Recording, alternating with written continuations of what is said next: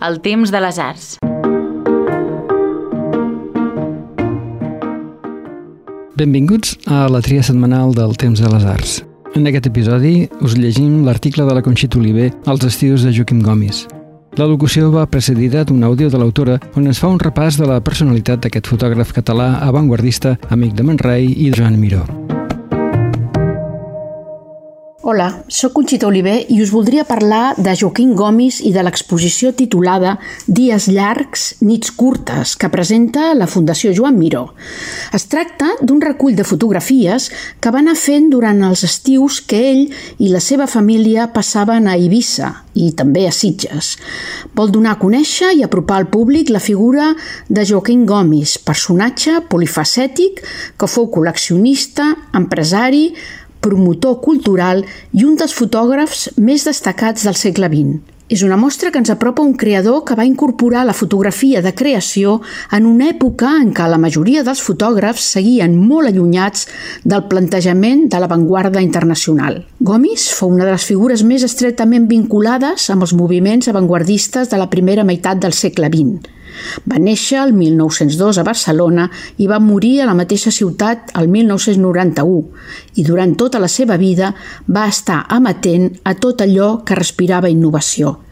Fou un gran observador, un home sensible, d'ull perspicaç, que amb la seva càmera fotogràfica va retratar el món que l'envoltava ja des del 1914 Copsava aquelles imatges que per a qualsevol podien passar inadvertides, aquells aspectes no fàcilment visibles, però que ell seleccionava de la forma més natural i espontània, amb objectivitat i contundència plàstica. Fou un dels primers creadors al nostre país que va emprar un llenguatge innovador i avançat en la fotografia, centrada en els enquadraments i el tractament de la llum.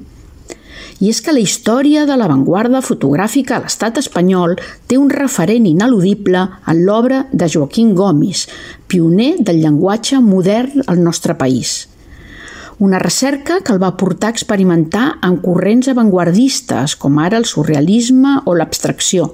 Pensem que a finals dels anys 20 va radicalitzar la seva mirada amb composicions en diagonal, amb les que jugava amb la geometria, que sorprèn per la seva abstracció Igualment, les fotografies dels anys 30 i 40, a Gomis es va deixar seduir pel moviment surrealista. Amic de Luar, Miró i Man Ray, va explorar les possibilitats de l'experimentació formal per descobrir la bellesa en les coses més simples. De la mateixa manera, en la seva vida quotidiana, Gomis va retratar quasi un segle sencer dels estius a la vora del mar amb amics i familiars – una petita part d'aquest gegantí fons fotogràfic s'exposa aquests dies i fins al 18 de setembre al vestíbul de la Fundació Joan Miró. La mostra té per nom Dies llargs, nits curtes i són imatges preses a Sitges i a Eivissa entre el 1965 i el 1975. En aquests anys, amb noves càmeres i amb nous tipus de pel·lícula, capta les formes de turisme i de lleure que anaven sorgint, però també el propi dels autòctons, especialment festes majors i tradicions populars. Hippies, estiuejants, pagesos, confluïen per primera vegada en una Eivissa en ple canvi, en uns anys crucials pel desenvolupament de les zones costeres de la Mediterrània. Per tot aquest treball, el 1951 ja va ser guardonat amb la medalla d'or de la Trienal de Milà, unes fotografies de l'illa que també va poder publicar el 1967 a Eivissa forta i lluminosa. I és que poques vegades s'ha dit tant d'Eivissa d'una manera tan concisa i formalment tan senzilla. Unes imatges que narren la vida i la història de l'illa. Aquesta exposició s'emmarca en el programa d'exposicions de fotografia que des del 2012 la Fundació Joan Miró porta desenvolupant a l'espai del vestíbul. Els seus fons fotogràfics són considerats avui un valuós document sobre la vida, l'obra i el procés creatiu de Joan Miró. A partir de l'acord amb els hereus de Joaquim Gomis i amb la Generalitat de Catalunya, la Fundació s'encarrega de gestionar l'Arxiu Gomis, a més de difondre'n el seu fons i de potenciar l'estudi de la seva obra. Bé, tot plegat us ho explico a l'article titulat Els estius de Joaquim Gomis. Espero que gaudiu de l'exposició.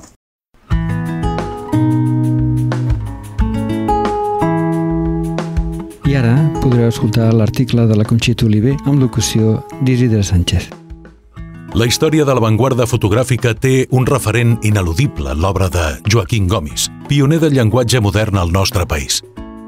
Fou un dels primers creadors que va fer servir una expressió moderna i innovadora en la fotografia, tant en la selecció com en el tractament dels temes.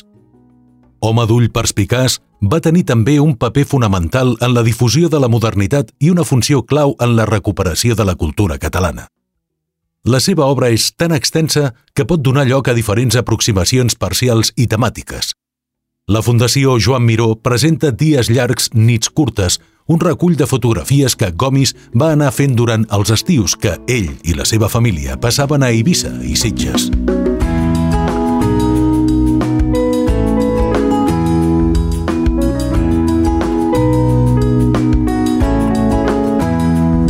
La tria d'imatges abasta una dècada, del 1965 al 1975, que es va caracteritzar per unes transformacions socials que van tenir lloc de manera molt ràpida i estesa.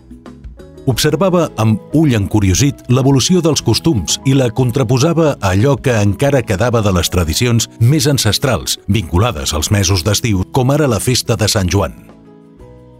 A la dècada dels 70, en una Espanya silenciada per la lenta agonia del franquisme, els joves van començar a trencar els motlles d'una comunitat trista i adolorida. Inspirats per la Califòrnia de finals dels 60 i el maig francès parisenc, va irrompre l'alliberament sexual, la contractual, la rebel·lió social, l'underground i un indici de llibertat que s'introduïa a la península a les maletes de centenars de milers de turistes que descobrien el país. La societat civil tenia una vitalitat extraordinària i la transgressió va inundar els carrers, en els nuclis costaners és on va sorgir amb més proliferació el desenvolupament del visitant de sol i platja a un ritme vertiginós. Comença el boom turístic que topa obertament amb el costumari tradicional. El famós eslògan Spain is different havia calat.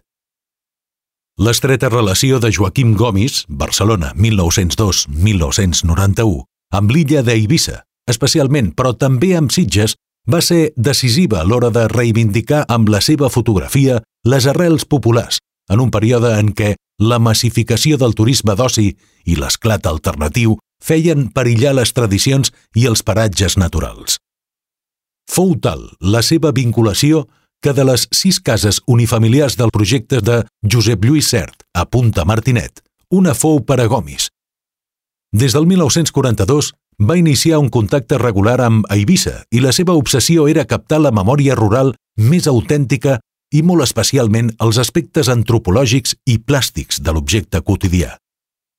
L'exposició Dies llargs, nits curtes, comissariada per Martina Millà, aplega una compilació de fotografies de Joaquim Gomis en les que mostra instants emblemàtics d'uns anys marcats per la forta transformació social i generacional en el moment de l'any en què els dies són més llargs i calorosos i les nits són curtes, plenes de celebracions i gresca.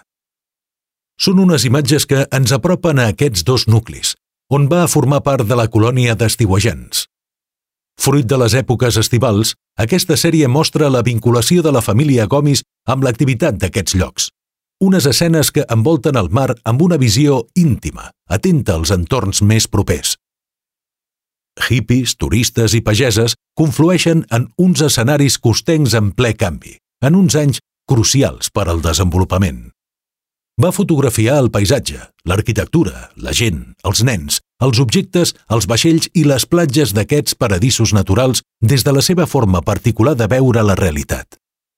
Però al llarg d'aquestes dècades va passar a captar, amb noves càmeres i nous tipus de film, les formes de turisme i lleure que anaven apareixent, en algunes instantànies s'aproxima als objectes i a les persones i fa una descripció minuciosa dels detalls. Segons les seves paraules, en fotografia el que més m'interessa és el detall. No busco la bellesa de l'objecte, sinó algun detall que el faci vell. En d'altres, la seva mirada inquieta es queda amb el conjunt per descobrir la bellesa en situacions tan simples i quotidianes com turistes passejant per la platja, nens jugant amb uns capgrossos o uns homes preparant un castell de focs. Les imatges seleccionades palesen que la millor fotografia pot sorgir en qualsevol moment. Hola, sóc Damià Morós. Potser m'hauran sentit a La Reserva, el podcast de patrimoni del temps de les arts.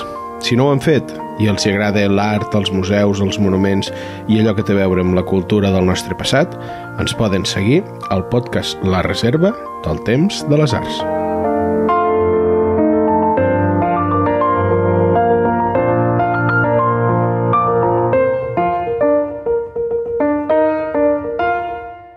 Personatge polifacètic, col·leccionista, empresari, promotor cultural i un dels fotògrafs més destacats del segle XX, Joaquim Gomis fou un gran observador, un home sensible que, amb la seva cambra fotogràfica, des del 1914, va retratar el món que l'envoltava. Havia residit a Anglaterra i als Estats Units, on es va dedicar a fotografiar els seus paisatges urbans i la seva arquitectura, també a París, durant la Guerra Civil. Molt aviat va començar a desenvolupar aquest enfocament agut i lúcid que ha caracteritzat la seva producció. Una recerca que el va portar a experimentar amb corrents avantguardistes com ara el surrealisme i l'abstracció. Començava aprenent plans generals i a poc a poc passava als detalls, fragmentant l'objecte d'estudi, mirant-lo des de tots els angles possibles. Gomis és un fotògraf de la modernitat més rigorosa, avançant-se fins i tot uns anys als programes de Moholy-Nagy i a les noves formes de la nova visió, amb una cosmovisió moderna i independent situada entre Cartier-Bresson, Man Ray i Kappa. Utilitzar tècniques com el fotomuntatge, els fotogrames abstractes, picats i contrapicats, composicions en diagonal, fragmentació o contrastos de la llum i de l'ombra, en una època en què a l'estat espanyol el pictorialisme, la fotografia lligada a la pintura, estava en ple auge. Escenificacions recreades amb recursos estètics, síntesi de les diferents formes de percepció dels moviments d'avantguarda històrics, tot jugant amb els enquadraments i el tractament de la llum que confereix un to poètic a les seves fotografies. Copsava aquelles imatges que per a qualsevol podien passar inadvertides, aquells aspectes no fàcilment visibles, però que ell escollia amb objectivitat i contundència plàstica. Juntament amb Joan Prats, fou el creador dels anomenats fotoscops, una seqüència ordenada de fotografies sobre un mateix tema i que es van publicar en diversos llibres entre els anys 40 i 60. Gomis no només creà una obra d'avantguarda, sinó que fou una de les figures més estretament vinculades amb els moviments avantguardistes de la primera meitat de segle, esdevenint un dels seus màxims promotors i organitzadors. Cosmopolita, humanista, curiós per tot allò que respirava innovació, a principi dels anys 30 va començar a prendre part activa en els cercles artístics més avançats del país en què desplegar una tasca important en la difusió de l'art modern. Va ser membre del Consell Directiu de l'Atlan, Amics de l'Art Nou, 1932-1936, juntament amb Joan Prats i Josep Lluís Cert. També fou un dels fundadors del Club 49, 1949-1971, associació que, durant la postguerra, va tenir una funció important en la difusió de l'art nou. President d'Amics de Gaudí, 1952, i impulsor i primer president de la Fundació Joan Miró de Barcelona, 1972-1975. L'àmplia i rica producció de l'autor també inclou el seguiment fotogràfic que fa de la vida i obra d'amics seus com Joan Miró, amb qui va mantenir una llarga i fructífera amistat, o també de Josep Lluís Cert. És així com Gomis va ser amic inseparable de creadors sense saber que ell era un mestre de la fotografia. Les col·leccions de Joaquim Gomis es conserven actualment al Fons Gomis de l'Arxiu Nacional de Catalunya, del qual la Fundació Joan Miró gestiona els drets. 70.000 imatges i documentació complementària, cartes, reculls de premsa, llibres i catàlegs. Des de l'any 2012, la Fundació Joan Miró programa exposicions de fotografia al seu vestíbul. A partir de l'acord amb els hereus de Joaquim Gomis i la Generalitat de Catalunya, la Fundació s'encarrega de gestionar l'arxiu Gomis, a més de difondre'n el fons i de potenciar l'estudi de la seva obra. Bé, I fins aquí la tria setmanal del Temps de les Arts. Si us plau, visiteu la nostra pàgina web, tensarts.cat, i si us ha agradat aquest episodi, compartiu-ho amb les xarxes socials amb els vostres amics i coneguts.